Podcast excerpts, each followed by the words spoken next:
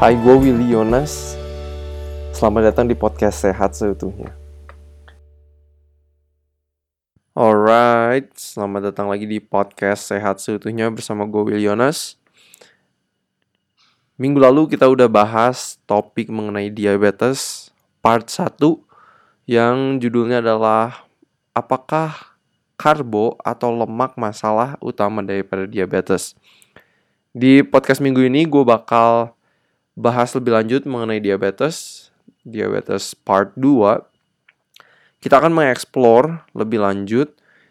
Jadi orang diabetes itu makannya harus kayak gimana sih? Dan apakah orang yang udah punya diabetes terus mereka improve, mereka ganti pola makan mereka, of course, terutama ke whole food plant-based diet, banyaknya yang nabati, itu bisa improve atau enggak? So sebelum gue mulai, gue mau merecall atau ngebahas, nge-review ulang barang-barang kalian supaya kalian ingat masalah utama daripada diabetes. Yang kita udah belajar minggu lalu bahwa masalah utama diabetes itu adalah lo lemak. So, gula darah yang misalnya kita udah makan nasi, kita udah makan ubi, kita udah makan singkong, makanan itu dicerna, akhirnya mereka jadi glukosa di dalam darah kita mereka itu harus masuk ke sel-sel otot. Nah, kalau mereka mau masuk ke sel-sel otot, mereka itu butuh bantuan satu hormon yang diproduksi oleh hormon pankreas yaitu hormon insulin. Hormon insulin ini kerjanya kayak kunci, mereka buka pintu, udah gitu gula bisa masuk atau glukosa itu bisa masuk ke sel-sel otot, ke sel-sel hati. Tapi masalah di diabetes lobang kunci pintu insulin itu terhambat sama lemak. Itulah yang disebut lemak di dalam sel otot, bahasa ilmiahnya itu intramyocellular lipid atau juga ada hubungannya lemak di antara sel-sel otot, intermuscular lipid. Jadi Orang-orang yang punya diabetes karena mereka itu punya banyak lemak di dalam sel otot dan di antara sel otot, akhirnya hormon insulin ini yang kerjanya kayak kunci, mereka nggak bisa bekerja, dan akhirnya gula darah terus ada di peredaran darah. Itulah diabetes. Semoga penjelasan gue clear. Ini ilustrasi yang dokter-dokter di Amerika termasuk mentor gue, Dr. Neil Barnard, yang di featured di film atau dokumenter What the Health dan Forks Over Knives. Dia pakai ilustrasi yang sama, gue banyak belajar dari dia. Dan inilah penyebab utama diabetes. Terlalu banyak lemak di dalam sel otot dan di antara sel otot. Minggu lalu gue lupa belum banyak bahas uh, kapan sih seseorang itu dia diagnosa dengan penyakit diabetes. Jadi kalau kalian tes darah, biasanya itu kalian bisa dites gula darah puasanya. Jadi kalian minimal harus biasanya puasa 8 jam, udah gitu kalian bisa tes gula darah. Kalau tes gula darah kalian itu di bawah 100 angkanya, itu normal. Kalau di antara 100 dan 125 itu sudah pre-diabetes, jadi udah on the way diabetes tapi belum terhitung diabetes. Kalau di atas 126 kalian sudah dianggap diabetes. Itu salah satu cara mengetahui kalau seseorang punya diabetes atau enggak. Tapi ada tes yang lebih canggih yang namanya HbA1c atau hemoglobin A1c. Hemoglobin A1c ini adalah tes di mana dokter itu bisa tahu, bisa ngelihat bagaimana sih gula darah kalian untuk tiga bulan ke belakang. Jadi kalau misalnya, oh kalian udah punya diabetes, kalian biasanya tetap makan jorok, makan semaunya, udah gitu, oke okay, deket-deket tes ke dokter kalian jaga makanan. Oke okay, mungkin pas kalian tiba-tiba jaga makanan, pas kalian dites gula darah puasanya itu kelihatannya normal, eh tapi pas dokternya ngeliat tes HbA1c kalian itu tetap tinggi karena HbA1c ini melihat gula darah kalian untuk tiga bulan ke belakang. Nah, yang normal itu di antara 4 sampai 5,6 persen. Kalau pre-diabetes itu di antara 5,7 sampai 6,4 persen. Kalau sudah di atas 6,5 persen itu kalian sudah dianggap diabetes. Nah, jadi kalau kalian tes darah, jangan lupa tes HbA1c kalian juga. Jangan cuman tes gula darah puasa. Tes yang lain yang bisa kalian e, lakukan itu biasanya adalah tes toleransi glukosa oral. Ini adalah ketika e, kalian udah puasa di tes darahnya, udah gitu kalian dikasih e, sugary food biasanya atau sugary liquid. Udah gitu kalian di di tes lagi gula darahnya untuk dua jam ke depan dites dan dilihat bagaimana tubuh kalian bisa menghandle gula atau glukosa ya. Kalau normal itu kurang dari 140, pre-diabetes di antara 140 sampai 199, diabetes itu lebih dari 200. So ini tiga tes yang kalian bisa cek setiap kali tes lab. Gue sarankan setiap tahun kalian perlu untuk tes lab darah supaya kalian gak kecolongan. Jadi kalau misalnya kalian eh tiba-tiba udah di pre-diabetes. Kalian udah tahu duluan, kalian gak usah nunggu sampai diabetes baru akhirnya tes darah. Kan terlambat ya. Maksudnya nggak ada kata terlambat, tapi kalau kalian bisa uh, mengetahui lebih dulu, kalian itu bisa melakukan intervensi atau perubahan gaya hidup terlebih dahulu.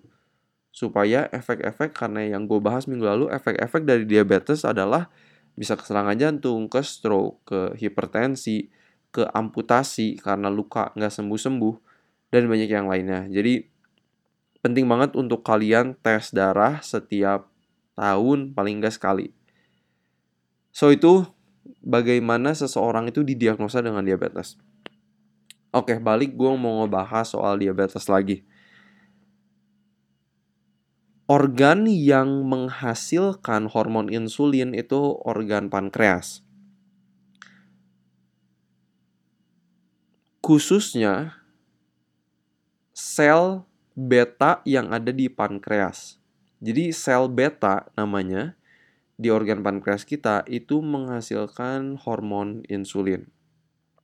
Nah, yang menarik ketika seseorang didiagnosa diabetes, menurut research yang udah gue baca di Diabetes Care Journal, rata-rata orang yang didiagnosa, ketika mereka didiagnosa diabetes, kemampuan sel beta di organ pankreas itu sudah berkurang 50%. Nah, kenapa bisa kayak gitu? Kalau kalian ingat pembahasan gue yang di awal tadi dan minggu lalu, ketika si lobang pintu itu ter, tertutup sama lemak, jadi hormon insulin itu nggak bisa bekerja dengan baik. Jadi gula darah itu masih terus ada di peredaran darah, nggak masuk-masuk ke si sel otot dan sel hati. Si pankreas itu mikir, pankreas itu mikirnya, loh, gua kan udah produksi insulin yang biasanya cukup, tapi kok enggak nggak masuk-masuk si gula ini. Akhirnya si pankreas si sel beta ini, pabrik hormon insulin, itu bakal bikin lebih banyak hormon insulin lagi. Supaya si gula itu bisa masuk ke si sel otot. Nah, proses ini tuh terjadi bertahun-tahun biasanya. Nah, ketika si pabrik mulai bangkrut, kalau menurut research yang udah gue baca, bangkrut sekitar 50%, di situlah orang biasanya didiagnosa oleh diabetes. Pertanyaannya, kalau misalnya sel pankreas kita, sel beta di pankreas kita itu udah mulai bangkrut, bisa nggak kita naikin lagi si produksi hormon insulinnya?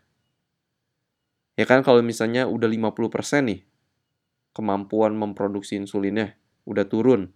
Karena proses ini tuh udah ber, berjalan bertahun-tahun baru seseorang itu terdiagnosa diabetes.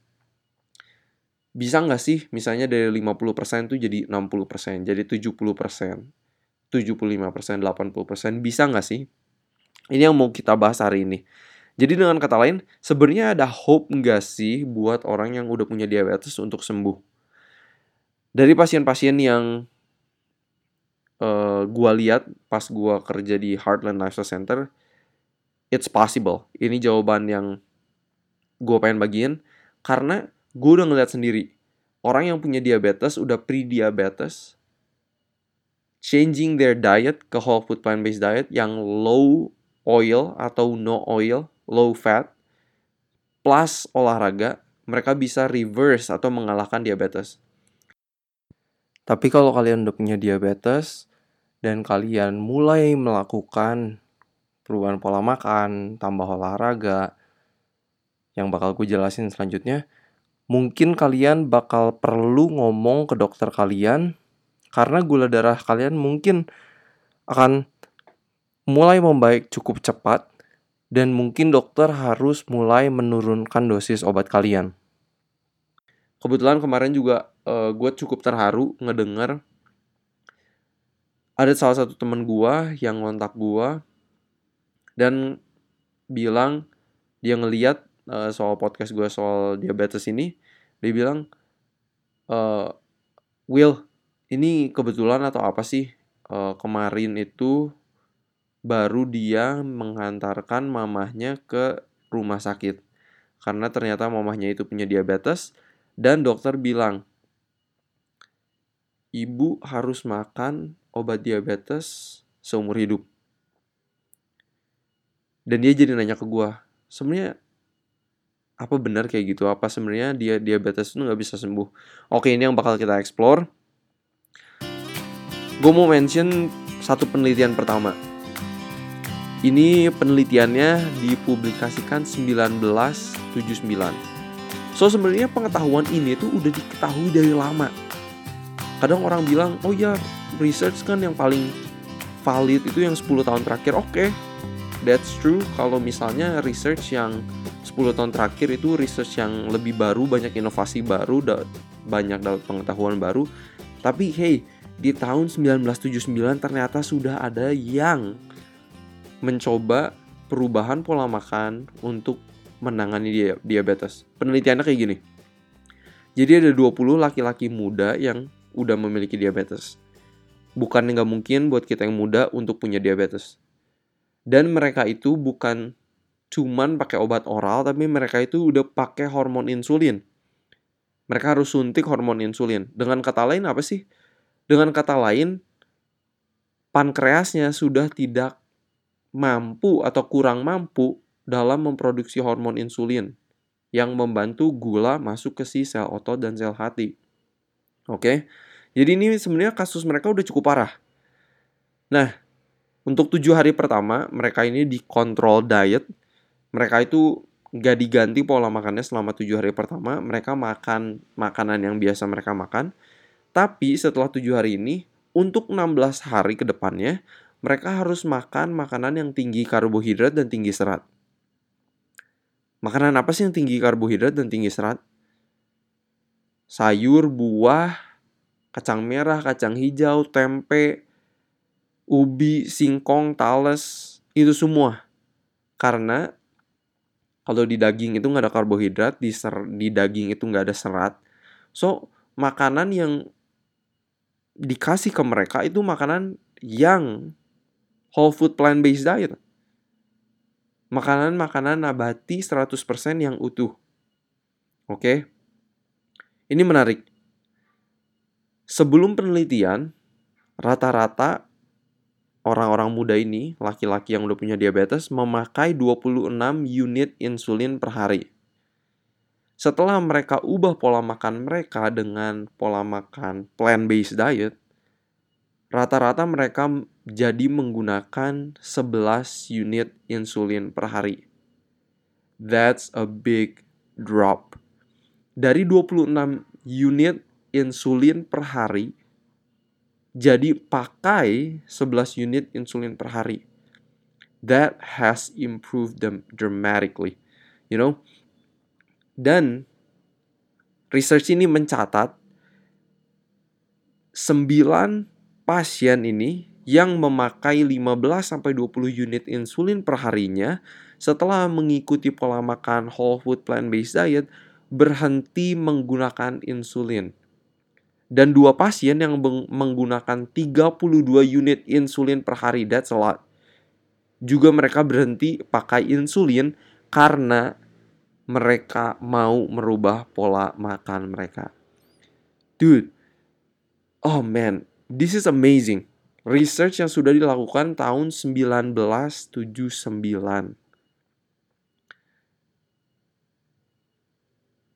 Ketika seseorang yang punya diabetes mereka mau merubah pola makan mereka secara drastis I'm telling you they will see results Masanya gue semangat banget ngomongin topik ini karena gue juga udah ngeliat pakai mata gue sendiri di pasien-pasien yang kita tanganin pas gue lagi di Amerika. Man, this is powerful. Itu penelitian yang pertama yang mau gue mention. Sekarang ke penelitian kedua. Penelitian kedua ini yang dilakukan oleh mentor gue, Dr. Hena Kaliova, dan juga Dr. Neil Barnard, yang uh, mereka berdua itu kerja di satu organisasi namanya Physician Committee for Responsible Medicine. So, penelitian ini penelitian selama 16 minggu, jadi 4 bulan, satu grup itu di taruh taruh di pola makan low fat plant based diet atau low fat vegan diet. Yang kontrol grup satu grup lagi mereka nggak nggak ngelakuin apa apa nggak ngelakuin perubahan.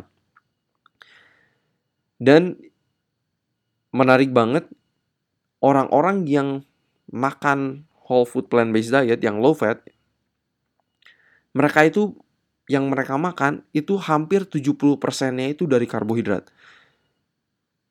Kalian sadar juga gak sih kalau misalnya di kacang merah, di kacang hijau, di tempe, di kacang kedelai, di sayur buah itu banyak karbohidratnya. Jadi emang kalau kita makan whole food plant based diet banyak banget makan carbs kita. Dan yang sering orang mikir kalau karbohidrat itu musuh diabetes. Tapi jawabannya it's no karbohidrat adalah teman kita. Tapi ingat karbohidrat apa dulu? Kalian karbohidratnya dapatnya yang bagus itu dari kompleks karbohidrat. Dari nasi hitam, dari nasi merah, ubi, singkong. Bukan kayak nasi putih, roti putih yang udah banyak pengolahannya. Anyway, orang-orang ini di penelitian 16 minggu mereka makan low fat whole food plant based diet. 70% yang mereka makan itu dari carbs, tapi hasil penelitiannya menunjukkan bahwa sel beta mereka di pankreas bisa menghasilkan insulin lebih banyak. Men, keren gak sih? Kalau lo whole food plant based diet itu bukan cuma ngilangin lemak yang ada di sel otot dan di antara sel otot, tapi mereka juga bisa improve, memperbaiki sel beta pankreas mereka. Dan ini bisa dilihat dari hasil researchnya. Kalau kalian mau search online di Google, kalian bisa baca researchnya. Judulnya itu A Plant-Based Dietary Intervention Improves Beta Cell Function and Insulin Resistance in Overweight Adults. A 16-week randomized clinical trial. Kalian bisa lihat itu ada di Nutrients Journal kalau yang tertarik, yang kalian punya pemikiran medis atau scientific minded, feel free to read that research. Um, dan kalau menurut gue ini menghadapi diabetes dengan whole food plant-based diet adalah cara yang very scientific, bukan cuman gue ngomong tanpa alasan. So, kalau ingat, kalau kalian yang udah punya diabetes, keluarga kalian udah punya diabetes, ingat, whole food plant-based diet bukan hanya membantu menghilangkan lemak yang ada di sel otot dan di antara sel otot, tapi juga mereka bisa improve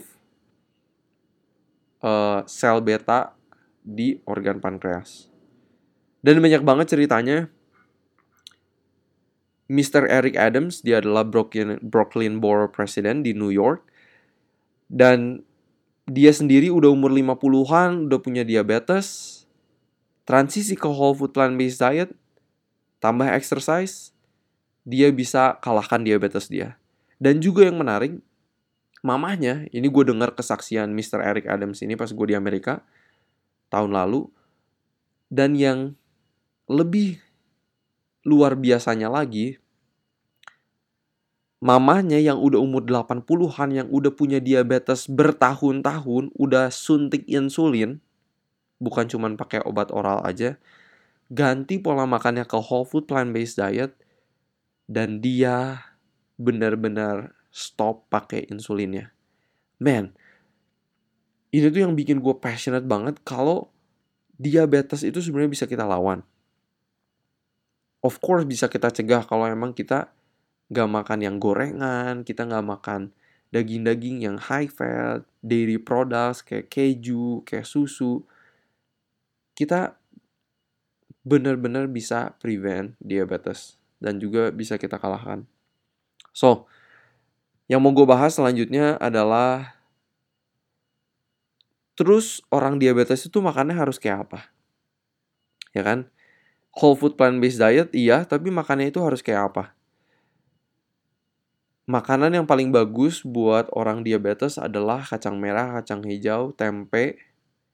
Kenapa? Karena mereka itu punya indeks glikemik yang rendah. Nah, apa itu indeks glikemik? Um, kalau gue bisa jelasin secara sederhana, indeks glikemik itu adalah bagaimana makanan itu um, merilis gula darah ke dalam darah itu seberapa cepat. Jadi contohnya ya, kalau supaya kalian cepet uh, kebayangnya, kalau kalian makan apel, gula darah itu akan naik pelan-pelan, udah gitu turun juga pelan-pelan. Tapi kalau kalian makannya atau minumnya apple juice, yang seratnya itu udah dibuang, gula darah itu akan naik cepet, udah gitu turun cepet lagi. Dan kalian di situ akan lapar dan ini nggak bagus banget buat orang diabetes. Buat orang diabetes serat itu penting banget. Nah, kacang merah, kacang hijau, tempe itu seratnya tinggi banget. Jadi, kalau indeks glikemik itu penilaiannya ada nomor-nomornya, kalian boleh Google juga. Bahasa Inggrisnya itu glycemic index. Kalau di bawah 55 itu rendah, itu yang bagus. Medium itu 56 sampai 69, tinggi itu 70. Nah, kalau menurut data dari Kementerian Kesehatan Indonesia, kacang-kacangan kayak kacang merah, kacang hijau, tempe itu tuh glycemic indexnya itu cuma 15. Jadi itu rendah banget. Ini makanan paling bagus buat orang diabetes. Kalau pas gue di Heartland Lifestyle Center, rules kita buat orang diabetes, makan pagi mereka itu adalah nasi, nasi merah, nasi hitam, pakai beans pakai kacang merah. Kalau di luar negeri banyak juga black beans, ada garbanzo beans, ada lentils. Jadi nasi pakai beans, pakai kacang-kacang kayak gitu. Udah gitu sayur dan buah. Apakah itu salad, apakah itu buah-buah terserah kalian tinggal potong-potong buah. Itu makanan paginya. Jadi beans itu harus ada banget dan sebenarnya beans itu gampang banget dibikinnya. Kalian bisa bikin sup, bumbunya yang dimacam-macam bisa dibikin kari bisa dibikin wah banyak banget deh. Kalian bisa google banyak banget resep. Dan itu tuh gampang banget. So beans adalah makanan wajib wajib wajib wajib buat orang yang punya diabetes. Wajib banget. Dan orang diabetes itu jangan takut makan buah. Banyak banget orang yang takut makan buah. Gue dengar dari teman-teman sekitar gue ada yang bilang ada yang nanya ke gue kayak eh kalau buah itu bisa menyebabkan diabetes ya? Kayak what in the world? Itu tuh misinformation banget. Justru di, kalau kita sering makan buah itu mencegah kita dari diabetes bukan bikin kita diabetes. Sebenarnya intinya buat orang diabetes makanan mereka itu harus sealami mungkin dan seutuh mungkin. Jadi yang seminimal mungkin diproses sebenarnya kuncinya itu. Jadi kayak kalau misalnya kalian mau makan havermut coba kalian carinya yang rolled oats bukan yang quick oats. Karena kalau quick oats itu udah lebih diancurin jadi seratnya itu lebih berkurang. Tapi kalau kalian makan yang raw oats itu lebih bagus. Karena itu masih uh, lebih utuh ya. Dan jangan takut makan sayur buah beans kacang merah kacang hijau tempe itu makanan edamame itu makanan-makanan yang kalian harus makan kalau kalian udah punya diabetes dan kalau kalian mau cegah diabetes. Dan kalau buat orang diabetes kalian mak makan buah yang asli jangan di jus atau di blender.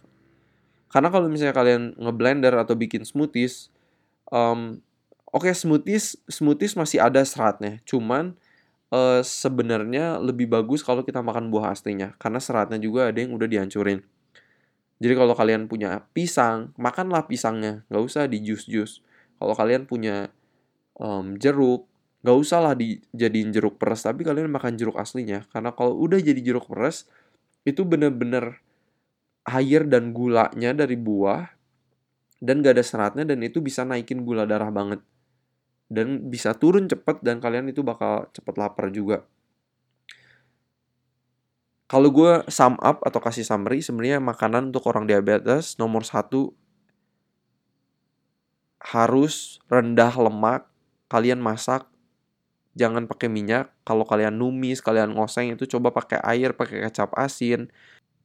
Dan avoid meat, daging. Itu banyak lemaknya, susu sapi, keju, dan yang lainnya. Switch ke nabati. Makanan-makanan nabati kalau bisa 100%, that's amazing. Dan kalian coba, bener.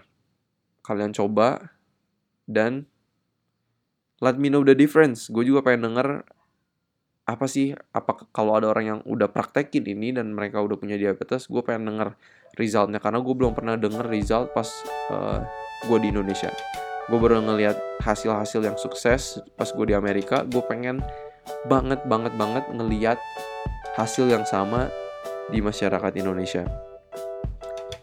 Dan ingat kalian jangan takut makan karbohidrat. Ubi singkong that is so good ya. Walaupun buat orang diabetes itu makanan-makanan yang bagus makanan-makanan yang alami yang banyak seratnya dan itu aman banget buat gula darah gue mau tutup uh, episode podcast kali ini dengan kata-kata dari Arnoldo Cantani dia adalah seorang dokter dia dipanggil juga diabetes guru dia bilang kayak gini obat untuk diabetes bukan di toko obat tetapi di dapur. Gue ulang sekali lagi, obat untuk diabetes bukan di toko obat, tetapi di dapur. Dan gue suka banget quotation ini kata-kata dia dan it's true. Kalau kalian mau sembuh dari diabetes, kalau kalian mau cegah diabetes,